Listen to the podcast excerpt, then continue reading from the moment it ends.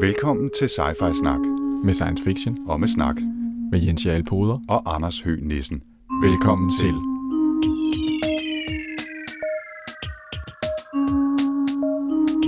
You're traveling to another dimension. A dimension not only of sight and sound, but of mind. A journey into a wondrous land whose boundaries are that of imagination. Your next stop. Sci-Fi Snak. Jeg har trykket optag, og øh, så håber vi, det går. Ja. Og noget ikke eksploderer. Hvis man sidder og undrer, så, så kan man muligvis godt høre, at jeg ikke har popfilter på min mikrofon. Så hvis jeg engang imellem drejer hovedet lidt væk øh, fra mikrofonen, så er det fordi, jeg prøver at undgå, at den siger pop. Øh, jeg er som sædvanlig perfekt mikrofonteknik. Øhm, Og, og har et popfilter. og har popfilter. Eller vindhætte, som det ja, for vi er på besøg i studiet på Kødbyen. Ja, det er vi nemlig. Vi har øh, benyttet os af, at vi har sommerferiefri Mm. og øh, har lidt mere fleksible skemaer, end vi plejer at have. Så denne her omgang sci-fi snak, den optager vi i det lille studie i Kødbyen, som er 500 grader varmt. Mm. Og vi har hver et lille glas vand, og så øh, kan det være, at det bliver en kort episode. Nu må se. Nu må Øh, se. hvor meget ild der er herinde. Men Jens, øh, hvad er det for en episode, vi er i gang med? Jamen, øh, vi er i gang med øh, episode 41. Velkommen til Cypher Snak. Vi skal snakke om The Caledonian Gambit af Dan Moran. Mm-hmm. Og øh, ja, den valgte jeg jo, fordi at øh, nu har vi fulgt uh, The Incomparable så længe. Og øh, nu skrev han en bog, og så tænker jeg, den må vi læse. Før vi går i gang med Dan Moran, skulle vi måske lige øh, kigge lidt på. Du har nærmest ikke læst noget sci-fi siden, siden sidst. Kan det passe? Det tror jeg faktisk ikke, jeg har. Jeg har læst masser af bøger. Øh, Det er jo sommerferie, og det er jo læsetid. Ja. Men jeg har besluttet mig for at øh, prøve at få tid til at læse noget af alt det andet, som jeg ikke synes, jeg har tid til til hverdagen, og der også skal læses science fiction bøger. Okay. Så øh, jeg tror faktisk ikke, at jeg siden... Hvad var det egentlig, vi læste sidst? Det var var Walkaway, Walkaway. selvfølgelig. Cory Doctorow's Walkaway. Ja, Walkaway. Siden den, øh, og siden Caledonian Gambit, tror jeg faktisk ikke, jeg har læst noget. Det, Nej. men det har du garanteret. Ja, men mest tegneserier faktisk. Øhm, jeg har læst noget, jeg synes var spændende. Jeg har tidligere nævnt uh, Brian K. Vaughan, som er en øh, stærk samtidig tegneserieforfatter. Nu bliver Anders lidt fjern i blikket, men altså nu i Nej, nej, jeg alligevel. skulle bare lige sikre mig, at vi optog. Han. Han, han, øh, jeg har blandt andet nævnt den øh, science fiction, øh, hvad hedder det, serie, han, han står bag, der hedder Saga. Han er også øh, forfatteren bag en, der hedder Paper Girls, hvor at nogle piger, der cykler på BMX, øh, kommer ind i en alternativ verden. Øh, men den, øh, jeg vil nævne her, det er, at jeg har læst øh, Private Eye øh, af, af, af Vaughn, øh, og det, det var sgu øh, en spændende sci-fi-serie, synes jeg. Den, øh, Kan, kan du lige sige lidt om universet? Hvad Ja, den for? foregår i en verden, hvor at, øh, at man, på den anden side er sådan et cloudburst, hvor at al vores mest intime information har jo ligget ude på internettet. Og det har vi jo regnet med, at det ligesom var vores eget og privat og sådan noget. Men øh, så skete der det her cloudburst, hvor at alle vores informationer blev lige pludselig offentligt tilgængelige for alle. Så det vil sige, at øh, på bagkanten af den her cloudburst, der har folk fuldstændig ved, øh, vendt internettet ryggen og blevet fuldstændig privacy-besatte. Okay. Så i den her verden, der, øh, der går folk rundt med masker på, når de går uden for døren. Sådan nogle, og nogle af maskerne er sådan nogle crazy nogen. Øh, og noget af det værste, man kan gøre, det er at tage billeder af folk, når de ikke har deres masker, masker på. Så her der er, hvad hedder det, øh, helten i den her, eller held, jeg ved ikke, om man skal kalde det. Hovedpersonen. Han er sådan et private eye, en, øh, en detektiv. Det han laver, det er at være sådan en slags paparazzi-fotograf. Øh, tager billeder af øh, folk, der gerne vil genfinde deres... Øh, nu om dagen, der har vi jo muligheden for at, at genfinde vores, øh, vores øh, folkeskole-crush på Facebook, øh, og sidde og tænke, okay, hvor er hun blevet gammel. Det kan man altså ikke i den her verden. Der hyrer man øh, hovedpersonen her, The Private Eye, som så øh, finder ud af, hvor de er henne, og tager billeder af dem og viser dem til den her Øh, ja, så, og der foregår så en intrige omkring en morgåde, fordi det er selvfølgelig ret nemt at, at begå kriminalitet i sådan en verden her. Ja. Men super, super fascinerende historie, Ja. hvor næsten det værste, man kan forestille sig, det er at se, at andre folk ser en ud, uden masken på. Det er sådan virkelig syret. Øh, to, to input. Øh, det ene er apropos øh, privacy, at jeg hørte en, øh, et afsnit af Radiolab Mm. øh, podcasten i går, øh, som hed The Ceremony, tror Okay. okay. jeg. Og den handler om en fyr, som som øh, er fascineret af digitale valutaer, øh, bitcoin og den slags, men synes, at et fundamentalt problem med bitcoins er, at de har den her public ledger, den her offentlige øh, regnskabsbog, hvor man kan se alle transaktioner, der har fundet sted. Så han vil gerne lave en tilsvarende digital valuta, men den skal bare være fuldstændig anonym. Og så handler podcasten om en kvindelig øh, journalist, der kommer med for at dokumentere processen, øh, fordi de skal lave en sådan øh, oprindelig nøgle. Og hvis den ikke er, der, der er en hel masse sådan eksotisk matematik involveret, ikke? men hvis den ikke er 100% random tilfældig, så er der en mikroskopisk lille bitte chance for, at nogen, hvis altså universet lige præcis står på en bestemt måde, vil kunne finde tilbage til den oprindelige nøgle, og så kunne skabe sig selv en hel masse af de her nye digitale øh, mønter. Det er en meget, meget, meget, meget lille risiko for, at det kan øh, ske på nogen som helst måde, men for at undgå, at de skal kunne blive beskyldt for, at den risiko er der, så er de nødt til at lave sådan en, en, en, øh, en vild session, hvor de bruger flere dage på at køre rundt i USA, vælge et hotel fuldstændig tilfældigt. Øh, de har samtidig forbindelse til, øh, hvad hedder det, øh, jeg tror det er 8 eller 10 mennesker rundt omkring i verden, som sidder og laver random nøgler, som de brænder på CD'er, og øh, der må ikke være netforbindelse nogen steder, og øh, videokameraerne, de, dem, det er nogen, de har købt vintage fra 80'erne, fordi der må ikke være netadgang til dem, de skal være fuldstændig, altså hvad hedder sådan noget, øh, frakoblet mm. nettet, og altså, det, alting skal være airgapped, øh, og det er virkelig, virkelig eksotisk. Okay. Så der er altså nogle mennesker allerede, som, øh, som garanteret gerne vil gå rundt i, i masker, øh, som i private eye. Nå, der er jo sådan et, altså, det er jo det der, altså, og det er måske noget, vi kan komme ind på her med, med Dan Morris bog. Ikke? Altså, det, altså, jeg, jeg kan jo enormt godt lide bøger, som har sådan et eller andet, en god idé inde i midten, som den ligesom ekstrapolerer ud fra, øh, som så på den måde siger noget interessant om en eller anden aktuel tematik, som vi sådan alligevel går lidt og tænker på. Mm. Det, det skulle fandme, det er fedt. Og, ja. og den her, den gør det rigtig, rigtig interessant. Det er jo et, øh, det er sådan noget pay, pay what you like tegneserie, så man kan downloade den for en dollar, hvis man vil. Jeg tror bare, jeg betaler det, jeg plejer at betale. Men, øh, men, men så, så den er altså ret nem at, at, komme i nærheden Og så kan man give mere, hvis man synes, den var god. Ja, ja. ja så okay. kan man give en, give en dollar, eller okay. også give ingenting. Ja. Øhm, så det, den, er, den er rigtig fed. Ja. Rigtig, rigtig cool. Ja. ja og øh, når jeg, det slår mig lige pludselig, jeg har faktisk lavet en, jeg har selvfølgelig set et par film siden sidst, mm. øh, sådan fra i hvert fald relaterede universer.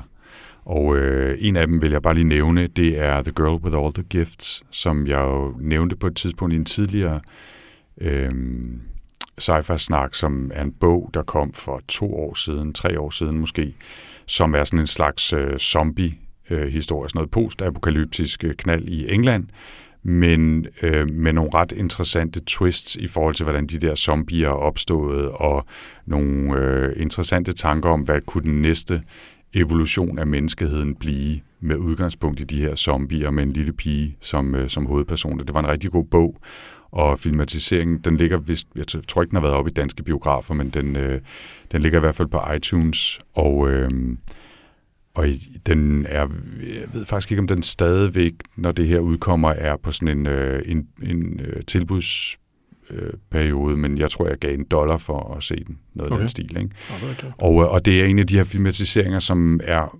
utroligt tæt op af bogen, og bogen var i forvejen nærmest filmisk at læse, altså sådan meget actionpræget og, og sådan handlingsorienteret. Ikke? Øhm, så jeg synes faktisk, det var en rigtig underholdende jeg er ikke særlig meget til zombier, men den her var faktisk rigtig underholdende og fint, fint lavet og ikke med alt for meget fokus på uh, folk, der går omkring med, med hjerneskade og løftede arme og, og vil spise menneskekød. Vel? Altså, jeg husker også, at det var dig, der anbefalede, eller der, der besluttede, at vi skulle læse World War C. Jeg tog en chance. Spørgsmålet er, om du skal kigge dig selv i spejlet og sige, om du i virkeligheden har så meget imod zombier. Den lader vi Tænk over det, Anders. Jeg, jeg tænker over det, ja. Øh, ellers så kan jeg nævne, at vi er blevet nævnt i... Øh, det, var, det var lidt af et chok for mig. Mm-hmm. Øh, nu er jeg blevet nogen af 40, så hvad hedder det? Så... Nogen af 40? ja. du er kommet i en alder, hvor det hedder, jeg er blevet nogen, jeg er kommet i 40'erne. 40'erne, ja. Ja, okay. Øh, så er det som om, jeg genfinder alle gode ting fra dengang jeg gik på universitetet, og øh, jeg læser virkelig mange tegneserier for tiden. Det skal jeg gerne indrømme. Apropos Øhm. at kigge sig selv i spejlet, er det det, der hedder en, en, midtvej, en midtlivskrise? Hmm, det ved jeg ikke, om det er. Mm. Øh, jeg vil egentlig mere sige, ej, nu har jeg endelig tid til det igen, hvor er det fedt. Okay. Øh, og en af de ting, jeg nyder meget, det er at lytte til en, øh, en kollega-podcast, der hedder Supersnak. Ja, sci-fi-snak, mm. Supersnak, Man skulle tro, at vi var i uh, Kahoots, men det er vi ikke. Match Made in Heaven. Øhm, det er, hvad hedder det, Marvel Morten, eller Morten Søndergaard, som han hedder, og en, der hedder Kim Helt, som jeg ikke kan huske, hvad hedder til efternavn. Øh, Morten, han står til daglig inde i Fantask. Da jeg var barn, eller ung teenager, der øh, var Marvel Morten, det var ham, der skrev øh, publikums øh, klubben i Marvelbladene, øh, da de kom fra seriemagasiner, Interpresse, det kan jeg ikke huske, hvem det var, der udgav. Nå, men i midten af 80'erne, der, der, der hed Spider-Man Æderkoppen, og øh, Marvel Morten, han skrev øh, læserbrevene der. Og der skrev jeg blandt andet ind til ham og spurgte vigtige ting, som hvis nu øh, Jævn og Iron Man kom op og slås, hvem ville så vinde og sådan noget. Det var super fedt. Øh, nå, men de nævnte sci-fi-snak i deres juleafsnit. Og så bliver det ikke meget større. Altså, så der følte mig endelig... Jeg sad der og lyttede, fordi de havde noget interessant at sige om Frank Millers uh, Return of the Dark Knight, uh, som jo er verdens bedste tegneserie, øvrigt. Øhm, og så lige pludselig så nævnte de, nå, jamen, så snakkede de lidt tilbage om dengang, de startede op, og så havde de en periode, hvor de ligesom var ja, kørt lidt ligesom sci-fi-snak, øh, at de øh, skiftede til at tage et, øh, en, øh, en tegneserie op, og så snakkede de ud fra den. Og jeg var sådan lidt, Altså, I've made it. Altså, en ting er at blive nævnt i politikken, men at blive nævnt vi er, af vi Marvel er, Morten, det var dog vi er inde i en, øh, i en bølge, ikke? Altså først, først politikken, og nu sci-fi-snak. Hvad bliver det næste? Hvad bliver det næste? Ja. Nogen, jeg, siger, jeg, jeg siger ikke, at det her det er en forspørgsel, men hvis nogen lavede en, et Wikipedia-opslag om sci-fi-snak, så tror jeg, vi ville have, have scoret hat ikke? jo, jo. Ja. Lad os kigge på det. Jeg, jeg, jeg, lægger, jeg lægger den bare derud som en, som en tanke. Så er det jo også øh, vanlig tradition her i Sci-Fi-snak, Jens, at vi lige kigger på, hvad der har været på, øh, på trådene, Ja. de forskellige tråde. Og øh, på Sci-Fi-snak er der budt ind. Ja, der hvad hedder det, var mig, Britt øh, Højrup forbi og foreslog, øh, det var efter øh, Walkaway med Cory Doctorow. Øh, hun foreslog faktisk at læse noget Bruce Sterling. Mm. Han har været rundt omkring nogle af de samme tematikker åbenbart, altså Walkaway her, hvor at, øh, man forlader samfundet på grund af, at man synes ligesom, at det er blevet... Ja, man kan jo lave det hele selv på sin 3D-printer. Øhm, og hun nævnte, hvad var det, den hed? Øh, Distraktion, som var oversat til dansk. Og ellers øh, er der en øh, novellesamling, der hedder Shaper Mechanist, som mm. åbenbart arbejder med nogle af de samme tematikker. Bruce Sterling er jo en af sådan de originale. Hvad er det? Burning Chrome, hans, hvad hedder det, øh, novellesamling hedder. Er det ikke den øh, Øh, sådan jo. store cyberpunk? Jo, det er det vist, jo. der hedder Burning Chrome, som Jo. han, øh, han er jo ligesom, øh, jeg tror det var som faktisk Bruce Sterling, der har fundet på begrebet cyberpunk. Så Mm, er det nu også det? Det, det kan jeg faktisk ikke huske. Men han er i hvert er fald sådan, samtidig, samtidig med Gibson, ikke? Jo. Altså, de, de begyndte nogenlunde samtidig og, og har skrevet mange af de samme ting. Ja. Og det sjove er, at uh, distraktion, eller distraction, øh, har jeg faktisk anmeldt i P1, da den kom i starten af nullerne. Øhm, jeg, havde, jeg blev spurgt af Hanne fra, hvad var det nu, hvad var det nu øh, det hed Kultur, Kulturnyt, Hmm. hed det. Øhm, spurgte, om jeg havde lyst til at anmelde den, fordi det var sådan noget sci-fi, de havde fået ind fra et eller andet forlag. Da den var blevet over, så tænkte hun, ham derinde på harddisken, ham, det må han da et eller andet. Så jeg anmeldte den faktisk til dem, kan jeg huske. det var godt øh, så så den, øh, den har nogle år på banen. Ja, ja, ja. Glim, med glimmerne, og Bruce Sterling er jo fantastisk. Øh, skriver nogle, nogle virkelig øh, altså, bidende intelligente essays om den moderne teknologiske verden i gang imellem, og øh, den konference i Genève, der hedder LIFT, øh, som jeg har været til nogle gange, der, der var det tradition, at han kom og holdt øh, afslutningstalen, Nå. som netop var sådan et langt essay, som han læste op, som basalt set handlede om, at øh, altså, hvor fucked up verden var, ikke? Øh, hvilket faktisk betyder, at jeg har været på rundtur i CERN, øh, nede i LHC-acceleratoren, sammen med Bruce Sterling. Det, det synes jeg alligevel smager en lille smule af science fiction. Ja, det er sgu sejt. Ja, det, øh, det, det, kan det jo, vi skal læse noget Bruce en gang. Jo. Bu- bucket Tak for, øh, tak for i hvert fald for anbefalingen til mig. Ja, helt sikkert. Og så på, på Goodreads har der jo også været Øh, sådan forsigtig sommergang i den. Der er i hvert fald kommet et par anbefalinger, øh, blandt andet fra Thomas, som skriver om en, som jeg aldrig nogensinde har hørt om, øh, nemlig en, der hedder Robert Sheckley, som øh, har skrevet to bøger, der hedder Dimension of Miracles fra 68, og øh, faktisk den øh, foregående, der hed Mindswap fra 65, som han siger helt sikkert har givet inspiration til Hitchhiker's Guide to the Galaxy, altså sådan lidt øh, satirisk science fiction-agtigt. Og øh, det synes jeg lyder spændende. Ja. Jeg, har ikke, jeg kan ikke huske, at jeg nogensinde har hørt om det, øh, men jeg har lyst til at stikke snuden i det. Har vi ikke fået en anbefaling at læse ham, noget af ham før? Det tror jeg altså, vi har. Tror du? Vi kigge på. Øh, i, I så fald så undskylder jeg til den, der oprindeligt har foreslået det til os, men, øh, men nu har jeg i hvert fald noteret det, og jeg synes, det lyder ret sjovt. Hmm, nu må vi se, om vi skal læse det næste gang. Ja. Skal vi, øh, skal vi i gang med Dan Moran? Det skal vi, og det var altså bogen øh, Caledonian Gambit Yep. af Dan Moran. Og øh, Dan Moran, hvem er det nu lige, han er? Jamen altså, det er jo en, som jeg har lyttet til i timevis, fordi at han er fast panelist primært i The Incomparable. Så han har også noget andet, han laver ved siden af, men det, det lytter jeg ikke. Øh, men altså, det er noget af et, af, et par af året, årets højdepunkter for mig. Det, det vil jeg måske ikke helt, men altså, noget, jeg rigtig godt kan lide at lytte podcastmæssigt, det er, når de her gutter på mine, en af mine yndlingspodcasts, The Incomparable, de for eksempel sætter sig ned og snakker om Raiders of the Lost Ark, eller den nye Star Wars-film og sådan noget. De er utrolig indsigtsfulde og virkelig, virkelig gode til sådan noget Øh, popkultur. Ikke? Det, det, har de, det har de rigtig godt styr på. Dan Moran, han er lidt af en Star Wars-ekspert. Uh, han er også uh, en uh, skribent på uh, Six Colors, tror jeg, den hedder. Mm. Deres, uh, der er sådan en Apple-blog. Ja, Jason Snells uh, Apple-blog, hvor Ja. Dan Moran skriver, Skriver også en del i Macworld, tror jeg, stadigvæk. Uh, han er, uh, så han er sådan egentlig sådan lidt en tech, tech skribent, som så er gået sådan lidt uh, podcast-nørd. Og uh, det gør han meget godt. Uh, og nu har han så kastet sig ud i at skrive sin første uh, roman. Han hævder på sin blog, at han skriver, har skrevet lige siden han var barn. Det er vi mange, der gør. Men ikke har fået udgivet. Men nu har han endelig fået udgivet sin første roman, og det er så den her. Og så tænkte jeg, ej, nu havde jeg lyttet så meget til ham. Nu skulle jeg læse ham. Og den er også spritny. Altså, den er her fra øh, april eller maj eller sådan en stil. Ja, ja, og øh, lydbogen, den udkommer i dag. Okay, sagde Altså den Jens 20. og kiggede juli. på sit ur. Ja, Øh, så så jeg, jeg har jo måttet undgå, undvære at kunne, kunne lytte den på, på lydbog. Det plejer jo ellers at skifte mellem at lytte, Ja. ja. og, og lydbog, lytte og, og læse. det var, Øhm. den var ikke øh, så voldsomt lang, så det var vel til at overskue. Nej, nej den, det, altså, det kommer an på, om vi snakker om øh, objektiv tid eller oplevet tid. det skal, der skal man lige være, væk, der skal man lige være klar over, hvad vi snakker om. Så havde Jens lige øh, fået skeen, han havde spidset mod betongulvet. Den, den hæv han lige op af lommen og sneen mellem ribbenene der. Ja. Men øh, ja, Nå, det er og- hvad der er at sige om okay, ham, synes det, jeg. det er Dan Moran, og bogen uh, Caledonian Gambit, uh, hvad er det for et univers, den foregår i? Jamen, Jamen, lige skulle øh, sætte det op. Han har jo fået den gode idé, synes jeg egentlig, at lave. Altså, det er jo, det er jo sådan en bog, der foregår i et space opera-univers. Ikke? Mm.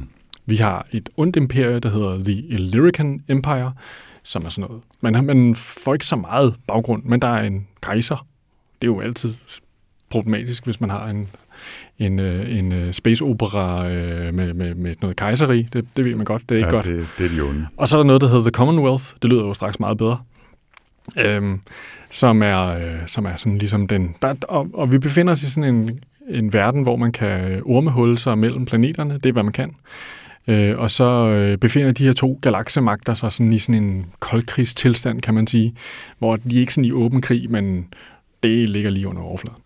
Og, og i den her verden, der, der har Dan Morin så fået den idé at skrive, hvad man skal kalde, hvad man kalde for sådan en spycraft-roman, altså en roman, der kunne være sådan en thriller, øh, Tom Clancy eller sådan noget i den stil.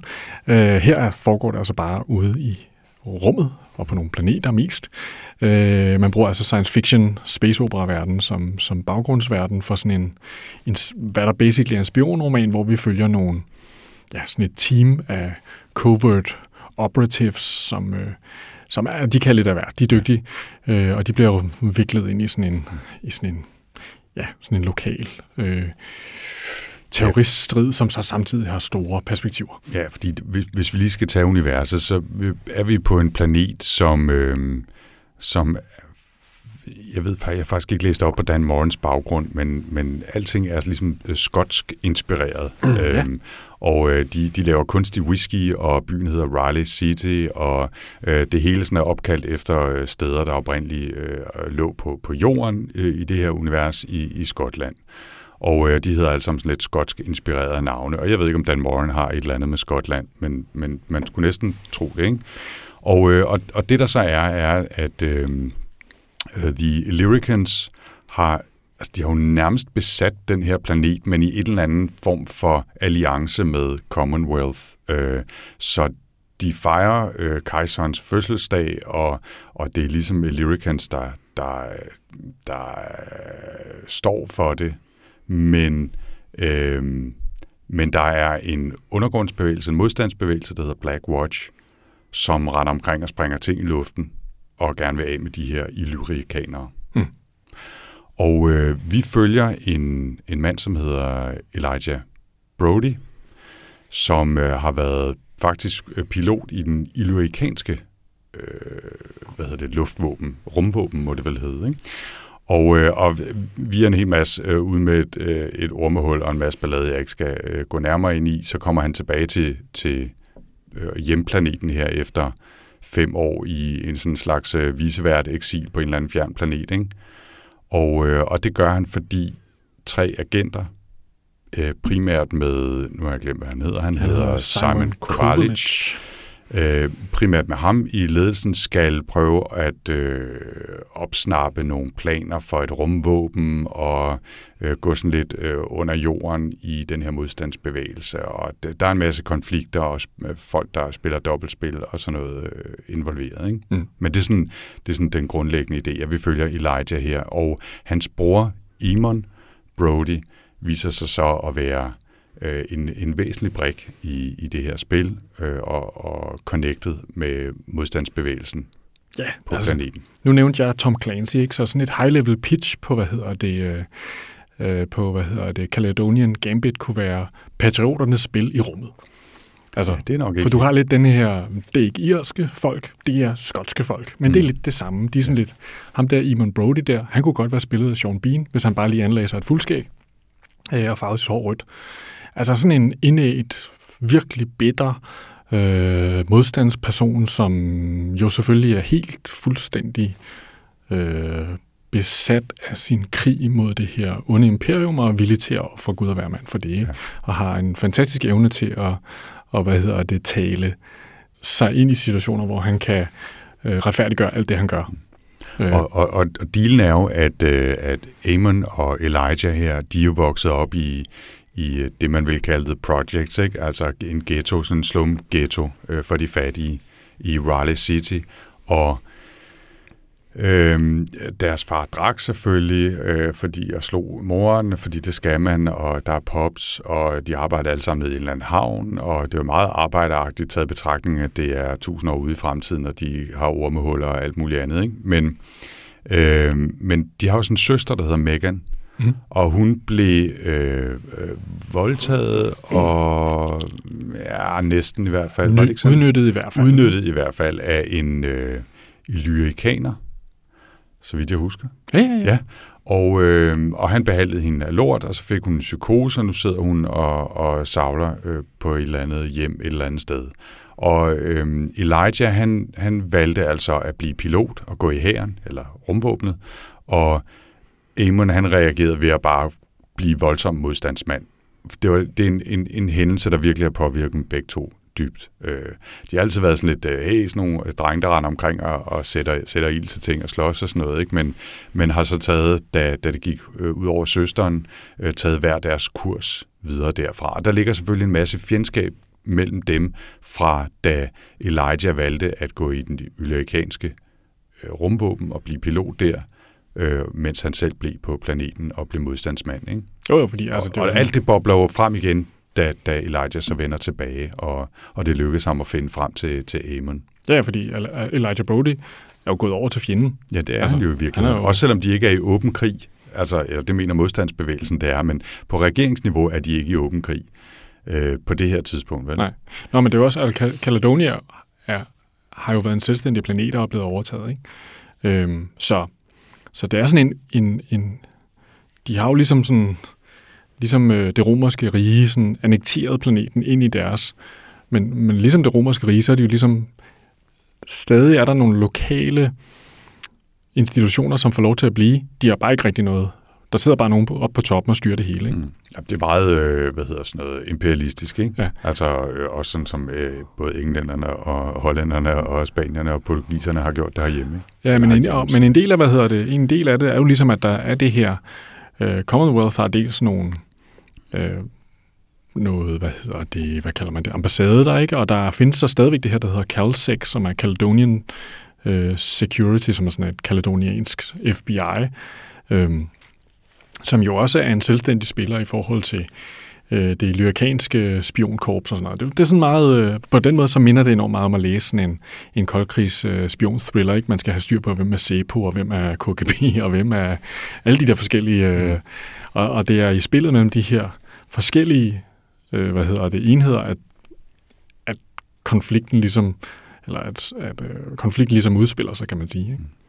Og så har vi jo øh, Simon Kovalic, ikke? Øh, som er, som er overspionen, Ja, som har øh, to faste følgesvend, Tapper og, øh, og nummer tre, som de kalder ham. Ikke?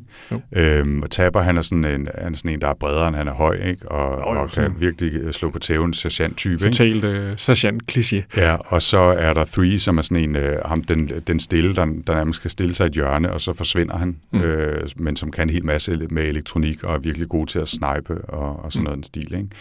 Ikke? Øhm, og de skal forsøge at finde frem til det her øh, rumvåben, øh, mytiske rumvåben, og de skal bruge Elijah til at, og, øh, at få nogle informationer. Så, så de tager ud og henter ham fra det der visevært eksil, han er havnet i, ikke? Jo. Og, og hiver ham tilbage på Ja, ja, så Caledonia. Han kommer tilbage til Caledonia for første gang i fem år, ikke? fordi ja. Ja. han har været isoleret på den anden side af et øh, ormehul, som blev sprunget i luften. Mm. Og Men det er jo et spørgsmål om, ja. ja. om det giver super meget mening sådan at prøve sådan at, at fortælle hele historien. Det tror jeg ikke. Fordi, altså basically er der jo egentlig tale om sådan en ret basal thriller-historie. Det er meget spændende, kan man, eller det er meget interessant at følge den her. Det er sjovt nok at have det her covert-hold. Altså der er, der er de her to hovedpersoner. Der er Elijah Brody, som man følger, og så følger man ham, der er Simon Kovalic, øh, som den anden hovedperson. Ikke? Og, og man skifter hele tiden mellem de her to perspektiver. Når vi er Elijah Brody, så er det meget hans egen oplevelse af at komme tilbage til Caledonia, og hvordan det ligesom er, og alting er skiftet, og der er meget, der er det samme, og bla bla bla. Og over på Simon Kovalic, der handler det rigtig meget om det her spycraft, ikke? hvor at alle hans smart, øh, han har, han kan nogle tricks, ikke? Han er god til ligesom at, at få god rapport med folk, han er god til at manipulere med folk, han er god til at, altså det, det, han kan nogle tricks, og det, det er sådan den del af det, synes jeg er meget fascinerende. Mm. Men spørgsmålet er, om vi ikke skulle prøve at snakke lidt om bogen, fordi Det, det tror jeg. fordi jeg tænker lidt, at, at der er ikke, og det er jo nok det, som blev af mit kritikpunkt, så mange fantastiske gode idéer ud fra det, som jeg forventer i en sci-fi-bog, synes jeg ikke, han bringer i spil. Jeg synes det var en god idé at lave sådan en spycraft space opera, øhm, men jeg synes måske ikke rigtigt, at det helt udfolder sig. Jeg synes lidt, store del af det handler lidt, kunne det lige så godt være, at jeg sad og læste en almindelig spionroman. Så hvis man godt kan lide spionromaner, så er det her sikkert meget godt. Men, men som du sagde, ikke, nogle gange der sidder man og tænker, hmm, alle de her ting, altså er der ikke noget teknologi, der på en eller anden måde, er der ikke noget sci-fi-agtigt, der spiller ind på, hvordan man løser de her ting. Altså det er ligesom, at man siger, at Star Wars er fantasy mere end sci-fi, fordi der er ikke noget rigtigt. altså, udover at de kan flyve rundt og sådan noget, så håndterer de stadigvæk deres konflikter, som om det var ridder. Mm. Øhm, og, og lidt på samme måde her, ikke? Det, der er ikke rigtig, det har ikke rigtig ændret noget for vilkårene for spionteknik, at man nu er flere tusind år ude, i- eller flere hundrede år ude i fremtiden.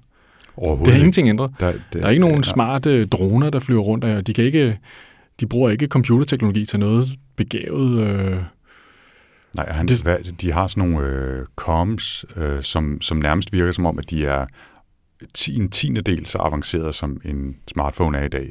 Altså, de Ja. bruger den ikke så meget andet til end at, at snakke sammen, og så en gang imellem virker det som om, de får en sms-agtig ting. Det, det er lidt ligesom det, de kan bruge de der comms til, at man tænker, okay, de, vi er tusind år ude i fremtiden, vi har koloniseret halvdelen af galaksen, vi, har, vi har, kan bygge rumskib, der kan flyve gennem ormehuller, og så kan vi ikke finde ud af at lave en, noget, der er mere avanceret end Nokia 3310. Det, det er meget sjovt, fordi nogle det føles så... som om, den er skrevet for 50 år siden. Præcis, som jeg sad og så tænkte, det var sådan ligesom at læse en science fiction fra 50'erne, fordi man tænker, det man tit siger, når vi har, det vi tit kigger på, når vi har har gamle sci-fi bøger, ikke? Det er det der med, Nå, men de laver nogle raketter og sådan noget, kommer rundt i, ud på planeter. Men det der med, hvad, hvad betyder informationsteknologi? Det, kan man, det har de aldrig kunne forestille sig, vel? Altså, Isaac Asimov skrev, skrev noveller om, øh, hvordan at man kunne lave robotter, der kunne skrive i hånden. altså, ja. okay. Ja. øh, og det kan vi jo stadigvæk ikke, men, men det ville være interessant, hvis han havde forudset uh, internettet. Ikke? Det var ikke være særlig nyttig heller. Mm-hmm. øhm, og, og det føles lidt, når man læser den her bog, den har lidt det problem, synes jeg. Ja. At det ikke rigtig bliver brugt til noget. Og, og samtidig har jeg også det der med, en hel planet, der er skotsk. Altså, jeg har hørt Dan Moran selv gøre nar af Star Wars for at have en hel planet, som er en isplanet, en hel planet, som er en djungelplanet, en hel planet, som er en ørkenplanet. Mm. Det her det er en hel planet, som er en skotteplanet. Mm. Altså, Caledonia virker som om, det er en mindre by på Midtjylland. Altså, det er ligesom som om, det er det, der er omfanget af det univers der. Ja. Så ikke det er sådan, at så udfoldet på den måde. Jeg, jeg sad også og tænkte på, at, øh, at, at det er en meget, meget tynd færnes af science fiction, der er lagt på, på den her, øh, det her spionplot. Og jeg tror, at jeg på altså en halv formiddag med Søger og Stat kunne lave det her til en fuldstændig straight-up spionroman, mm. der kunne foregå i hvilket som helst øh, land i Europa, uden at nogen ville opdage, at der var redigeret i den. Mm. Og det, og det tror jeg ikke, man kan med sindssygt mange. Altså det vil man aldrig kunne gøre med Ancillary Justice for eksempel, eller, eller nogle af, af Ian Banks uh, culture uh, sci-fi ting. Altså det, det vil man ikke på samme måde bare kunne lave sådan en søg erstat på nogle navne, og så kører vi. Mm. Altså, men det, det sidder man med fornemmelsen af, man kan her. Og for nu at foregribe øh, begivenhedernes gang, så, uh, så har jeg givet den her to stjerner. Og hvis jeg havde vidst, at det her var en spionroman, så havde den måske fået tre.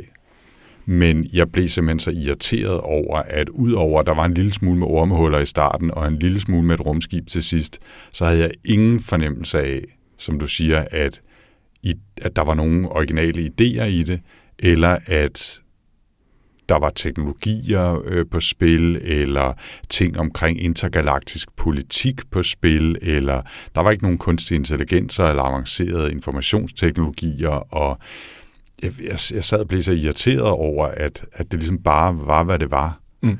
Øh, eller, eller det i virkeligheden bare var noget andet, end det, jeg troede, det skulle være. Ikke? Mm. Og, øh, og derfor så havnede den altså på to stjerner. Jamen, for mig. I virkeligheden, jeg har det på, på, jeg har på præcis samme måde. Altså jeg synes også, at denne her bog, den led enormt under, at den prøver at være en spionroman, men når jeg læser for eksempel... Øh, din fjenders fjende, eller den slags, sådan noget, den der slags ting, ikke? som mm. man jo godt kan tage med på en sommerferie, fordi det kan være meget underholdende. Så har jeg i det mindste det der med, at jeg identificerer mig med, at der er noget, der hedder SEPO, eller noget, der hedder KGB, og når de er nede i Palæstina og gør et eller andet, så føler jeg ligesom, at det, at det her handler om noget, som, som godt kunne være rigtigt. Det kunne godt på en eller anden måde have noget at gøre med noget, som, som betyder noget for mig. Altså, Forstår du, hvad jeg mener? Mm. At det er ligesom, jeg, har, jeg kan identificere mig med de der ting, jeg kan øh, forestille mig, hvordan det er i den virkelige verden. Hvor at problemet med den her bog, det er jo, at han bruger næsten ingen tid på at etablere de her øh, på den, altså den her space opera-verden. Han bruger næsten ikke noget tid på øh, at, at etablere, hvorfor skal jeg interessere mig for The Illyrican Empire versus The Commonwealth. Jeg, har, jeg ved ikke, om de der Illyricans er specielt onde. Det, det gør Altså, det, det går jeg ud fra. Altså, det, de har jo en kejser, men altså... Men, men vi men, ved det ikke. men vi ved det ikke, fordi altså, den del af det bliver ikke rigtig belyst. Det, det, altså, de er en aggressiv, invasiv art. Øh, de vil gerne indtage andre planeter. Nå ja, altså... Det, øh, det vi ved om det, om, om, om den politiske situation i det her univers, det er det, der kunne stå i en rulletekst i starten af en Star Wars-film. Ja. Altså, øh, og mere ved vi i virkeligheden ikke. Og det er ikke nok, fordi i Star Wars, så kan man sige, i, i uh, The Prequels, uh, altså der var jo meget joken med, at, at det stort set kun var politik, og det hele var mm. meget indviklet, og det var nærmest ligegyldigt det hele, ikke? Men altså, men man kan da sige, at man får, man får noget at se på i hvert fald. Altså, der er rumskiber, planeter og lyssvær og mærkelige rumvæsener og alt muligt andet. Så selvom altså, det politiske plot er lige så tyndt i Star Wars-filmet, som, som det er i Caledonian Gambit, måske det er et postulat, så får man i hvert fald noget at se på. Altså, mm. der sker noget, de flyver rundt i rumskibe og alt muligt andet. Ikke? Og her, der render de bare omkring på en planet og går i, øh, i sådan nogle pops, der virker som om, at det er sådan, ligesom alle irske pops er bygget fra en skabelon på en eller anden mytisk pop i Irland et eller andet sted, og bare sådan en kulisseby, eller kulissepop, der bliver banket op rundt omkring i verden af de samme, altså kørt ind i en container og banket op, så virker det som om, at hele Caledonia, det er sådan en... Øh, en skotsk, øh, et skotsk Disneyland-kulisse, som bare er blevet kørt ind og sat op på en eller anden planet et eller andet sted. Ikke? Og man sidder og tænker, hvorfor? Altså, hvor, du har, det er en bog, du skal ikke engang bruge penge på special effects. Altså, du kan finde på alle de spændende science fiction ting, du har lyst til, og så er det det, ja. du kommer op med. Altså, jeg vil meget hellere have læst en socialrealistisk bog om, øh, om IAA, end, end denne her. Og man er helt enig. Og det er det, altså problemet er, at jeg synes måske, at Dan Moore, han går lidt fejl der. At han ikke rigtig... Han, han, jeg har jo hørt ham flå prequels fra hinanden. Uh, Star Wars prequels. Mm. Men jeg synes virkelig, at han lidt han gør den samme fejl her. Ikke? Uh, han beskriver nogle verdener, men han giver os ikke nogle karakterer igennem, hvem jeg kan investere mine følelser omkring, hvordan jeg har det med The Commonwealth, eller hvordan jeg har det med Lyricans. Grunden til, at vi holder, grunden til, at prequels er dårlige, og de gamle Star Wars-film er gode, og det de prøver at gøre bedre i det nye, det er jo fordi, vi identificerer os med de hovedpersoner, som bliver udsat for noget, som den her øh, onde magt gør mod dem. Altså, vi ser konsekvenserne igennem nogle personer. Det gør vi jo ikke her. Vi, vi aner jo ikke engang nogen. Altså, en af hovedpersonerne, Simon Kovalic i denne bog, vi ved jo ikke, hvad, hvad, hvad kommer han ud af? Det ved vi ikke. Vi får ingenting af hans baghistorie. Whatsoever. Hvor, hvorfor er han, som han er? Hvorfor gør han de ting, som han gør? Altså, han er en top-notch, super fed agent, men i det store hele er han bare en actionmand. Altså, super fed actionmand, der kan alt muligt, men hvorfor han gør det, det ved vi ikke noget om. Vi ved ikke, hvorfor han... Og det, det synes jeg er et problem. Nej. Øh, og han er... Elijah Brody er man nok... Problemet med ham er nok, at han er lidt på samme måde, ikke? Det der, han, er, han er jo sådan en på randen af det der Caledonian... Øh, altså, jeg er sgu lidt ligeglad med, at han at han øh, har mistet sin barndom. Jeg synes, han virker som en fjols. Øh, ja, jeg, og... jeg, jeg kunne heller ikke særlig godt identificere mig med ham. Nej. Men altså, han har trods alt mere personlighed. Han er den i bogen, der er mest personlighed. Han fortæller om sin, sin opvækst og forholdet til broren og faren og søsteren og hvordan det var at være i. Og, og, men ellers er han jo meget sådan en, som ting sker for. Altså, han, han har meget lidt øh, agens i virkeligheden, ikke? Altså, han, han er bare sådan en, en bold, der bliver spillet rundt i den der konflikt mellem øh, spionerne, øh, Simon Kotovic på den ene side, og The Black Watcher og hans bror Amon Brody på den anden side. Altså, han, han, han gør ikke særlig meget, vel? Nej, og man kan sige, at de ting, der sker for ham, det er jo kæmpe klichéer. Ja, fuldstændig. Altså, ja, ja. Det er altså. ikke for sjov, jeg siger. Jeg synes virkelig, at et high-level pitch på den her, det kunne være patrioternes spil ja. i rummet. Ikke? Altså, jeg ja. synes, det er det, det er sådan kørt efter sådan en skabelon nærmest. Ja. Hvad, hvad synes du er godt ved den? Jamen, jeg synes, der er noget potentiale i den her tænkning. Mm. Altså, jeg synes, det kunne, jeg, jeg tænker, hvis den her var rullet fedt ud, så kunne det da være. Jeg synes faktisk, det er en god idé. Altså det der, han har sagt, når man kunne man ikke lave noget, hvor det ligesom er fokus på spycraft i en sci-fi-verden, det synes jeg, der er en pissegod idé. Øhm, jeg synes også, der er nogle elementer, hvor der ligesom er nogle af de der scener, hvor Simon Kovalic er inde og snakker med en af de der ISS øh, hvad hedder det, chefer, og de har noget, hvor de snakker sammen på en café, og at nogle af de her ting fungerer sgu egentlig meget godt, synes jeg. Altså, jeg synes, Simon, Simon Kovalic er faktisk en interessant, altså han gør nogle interessante ting. Øh, sådan, når man ser ham i en action, er det meget spændende. Det kan jeg godt lide. Mm. Øhm, og hvis han havde været bedre til ligesom at etablere det her univers, før vi ender med at være fuldstændig opslugt af Caledonia, så ville jeg synes, det var mere interessant. Altså, vi snakker lige Ancillary Justice, som øh, nummer to bliver Ancillary Sword, måske. Jeg kan lige huske rækkefølgen. De hedder Ancillary Justice, Ancillary Sword og Ancillary et eller andet. Ja, det kan jeg ikke huske. Øhm, men første bog, det er sådan en galaksespændende historie. Anden bog i den serie foregår bare på en lille rumplanet, eller rumstation. Og hvis vi havde startet den serie med, med bare at være zoomet ind på den der lille rumstation, og det hele foregik der, så ville det jo slet ikke fungere. Fordi så blev der bare refereret til alle mulige ting, der skete ude på galaksen, men det var ikke noget, vi ligesom kunne mærke. Mm.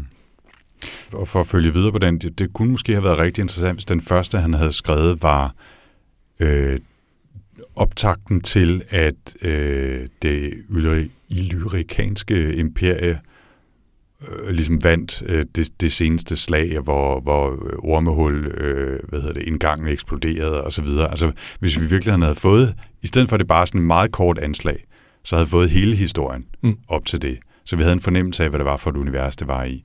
Med alle de politiske og magtmæssige konflikter, der var. Og så kunne anden bog være zoomet helt ind. Så følger ja. vi den her lille historie om Elijah Brody og hans, hans bror og, og spionen. Ikke? Og så kunne tredje bog være et helt andet sted, en total sidekarakter, som vi fulgte. Eller det kunne være Simon Kovalic's baggrund for, for 30 år siden. Hvordan havnede han i den der spionverden, øh, for det har sikkert også en eller anden spændende historie. Ikke? Mm. Hvis jeg skulle pege på nogle ting, jeg faktisk synes fungerer fint, så er det jo, altså, det er jo et moderat, øh, hvad kan man sige, interessant øh, spionplot, hvis, hvis, hvis man er til den slags. Ikke? Og så synes jeg faktisk, den er, den er ret fint skrevet. Altså, den, den flyder meget let, uden, uden at den er uden at den er banal eller simpel. Altså, jeg, jeg synes faktisk, han var meget god til at skrive. Mm. Øh, sådan et, et funktionelt, men, men ikke charmeforladt sprog. Altså, man kan godt måske fornemme, at han er mere fagskribent, end han er noget andet. Men, men, det, men det er ikke sådan flat, synes mm. jeg. Øh, og, og det kunne jeg egentlig meget godt lide. Altså, den, den var sådan set fint nok at læse. Men, øh, men altså, ja, jeg, blev, jeg blev sgu ret hurtigt sur på den, må jeg sige. Mm. Øh, der var en anden ting, jeg vil sige. Som jeg nu... Nå, ja, nå, det var bare med Samme Kovalis der. Ikke? Altså, han er jo virkelig den mest spændende karakter i den her bog. Ikke? Ja, øh, sel- selvom at, at vi får meget lidt at vide om ham. Jeg, jeg, jeg så ham efterhånden for mig som sådan lidt en blanding af James Bond minus alt det flamboyante. Mm. Altså med biler og damer og sådan noget. Men altså den, den der kompetente Daniel Craig Bond, som kan slå på tæven, hvis han skal. Ikke? Mm. Og så George Miley fra øh, John le Carré, spion, som er bare den der lille indtørrede, øh, en fuldstændig anonyme mand, som er overspion, mm. og som bare kan hele det der spil, øh, men som jo ikke er actionmand, spionen. Og sådan en blanding af de der to ting, sådan lidt, men igen har jeg hele tiden sådan et billede, som er sådan lidt 60'er-agtigt inde i hovedet, men i, i beige habiter og bløde hatte, øh, som går omkring og, og, og har det her spil, hvilket ikke nødvendigvis er det billede, man skal have inde i hovedet, når det foregår på en, en planet langt ude i galaksen. Mm. Og det, det er der, den grundlæggende konflikt ligger, som jeg bliver ved med at vende tilbage til. Jo, men altså, jeg sad simpelthen og manglede noget, der kunne pire min interesse, holde mig, holde mig interesseret i det univers, fordi at det så tit faldt ned i det der med, at jeg tænkte, Nå ja, jeg skal lige huske, at det er en science fiction roman, jeg, øh, jeg er i gang med at læse, og ikke en eller anden kedelig historie om et banalt spionplot, der foregår i Skotland. Ja. Altså, for at være sådan rigtig ro. Øh, så ja, ja. Det var Caledonia Gambit. Ja, det var det vel, og det, vi, vi plejer jo at have mulighed for at lave så meget research, at vi har en rimelig god chance for at finde noget, som vi tror er godt. Og det, det er sjældent, vi laver sådan nogle rigtige skæver, der, ikke? Øh, eller, eller det er sjældent, vi vælger bøger, hvor vi for alvor synes, ej, det her det var virkelig kedeligt, eller det her var virkelig dårligt. Ikke? Ja, det er jo tit, når vi tager en helt ny bog, ikke? så så, så kan man komme til at, at lave sådan en. Jeg kan huske, hvad fanden var det, vi læste, den der forfærdelige... Nå, det var den, der hed... Øh, øh det var sådan noget musikindustri, uh, et eller andet, Rob Reed. Year Zero, eller sådan Year Zero, ja. ja. ja ej, det det, og det var også helt nyt, hvor jeg tænkte, om den lød meget sjov. Den ja. snupper vi. Og det var det så ikke. Ja. Yes. Måske så, øh, det er samme årsag, at øh, den bog, vi skal læse til næste gang, for det er jo mig, der skal vælge. Ja. Det er ikke en ny bog.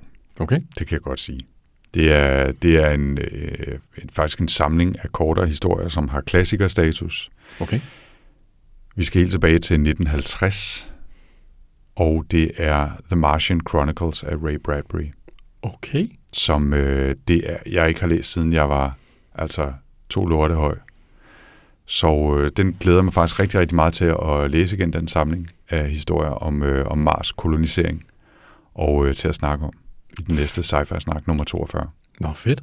Jeg kan godt se, nu hvad jeg siger sci-fi-snak 42, så burde vi jo have vendt tilbage til Hitchhiker's Guide, men den har vi jo ligesom været igennem. Ja. Så, øh, så vi vælger simpelthen at sige, at, øh, at selvom det er et signifikant tal i den her sammenhæng, så bliver det altså uh, Ray Bradburys Martian Chronicles 1950. Fedt.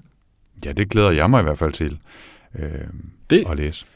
Det vil jeg glæde mig til og det, og det var meget, og jeg var simpelthen nødt til at gå tilbage og kigge på alle de foregående 39 episoder og sige, kan det virkelig være rigtigt, at vi ikke har læst noget Ray Bradbury? Men det har vi ikke. Det har vi ikke. Men Så, jeg tror, at vi er øh, på et tidspunkt blevet klandret for ikke at gøre det. Ja, Så og nu, øh, nu gør vi det. Og, Så nu gør vi det rigtigt igen. Ja, det, det, det gør vi i hvert fald. Vi kan, vi kan jo ikke nå det hele, men, øh, men det er det, vi skal læse næste gang. Ja, fedt. Og ellers nu, øh, nu snakker vi lige omkring øh, angående research om, hvad man kan læse og sådan noget. Så, øh, så fik jeg ikke sagt, at jeg... Altså, hvis man godt vil læse noget her i den her stil, det her Dan Moran, så kan man jo altså kaste sig ud i øh, Louise McMaster Bujols øh, Vorkosigan-serie. Jeg, jeg kan se, du har skrevet det i dokumentet, og for det første ved jeg ikke, hvad det er, for det andet så jeg bare, det er godt nok et vildt navn, ikke? Louis ja. McMaster Bujols. Jamen altså, hun, er, hun har de sidste mange år skrevet på den serie, Okay. øh, som er sådan en space opera. Ikke sådan rigtig spycraft, men lidt derhen af.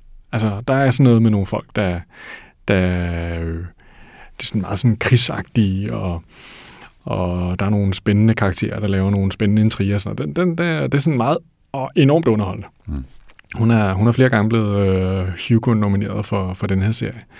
Øh, og de første, synes jeg faktisk, er, er, er, har været ret underholdende. Jeg tror egentlig, grund til, at jeg ikke har læst videre, det var, fordi på et tidspunkt, så kom jeg til, nogle gange, hvis man læser serier, så kan jeg godt miste overblik over, hvor, hvor jeg lige er kommet til. Så har jeg ikke rigtig helt fået, øh, så, så sad fast på et tidspunkt. Mm.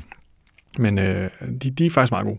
Det kunne man godt overveje. Jeg har jo tænkt på, om vi på et tidspunkt skulle lave en... Øh, altså nu, vores, øh, sådan, øh, starten af vores episoder øh, har udviklet sig mere og mere til, at vi snakker om alt muligt andet også. Ja. Jeg har tænkt på, om vi simpelthen skulle formalisere det på et tidspunkt og sige, ligesom vi har haft en top 5 øh, 2016 havde vi på et eller andet tidspunkt, så simpelthen bare sige, "Nå, men nu, nu tager vi altså lige øh, fem anbefalinger til alt muligt andet Nå. øh, en, en af gangene, sådan lidt mere formaliseret, fordi øh, jeg, jeg synes alligevel, jeg har læst en masse bøger, som ikke lige var inde i sci-fi-snak, som er relevante, ikke? Jo. og som man kunne kaste sig over. Ja, og ellers har vi faktisk blevet bedt om nogle gange at lave sådan en uh, topliste, eller komme i gang med lidt sci-fi uh, lister. Det kunne man jo også overveje. Mm. Men uh, velkommen til Jens og Anders snakker om deres uh, podcast-koncept. I dag der skal vi... Det, det hedder øh, idéudvikling for åben mikrofon, er det og øh, det, har vi, det har vi gjort i mange år i, i DR.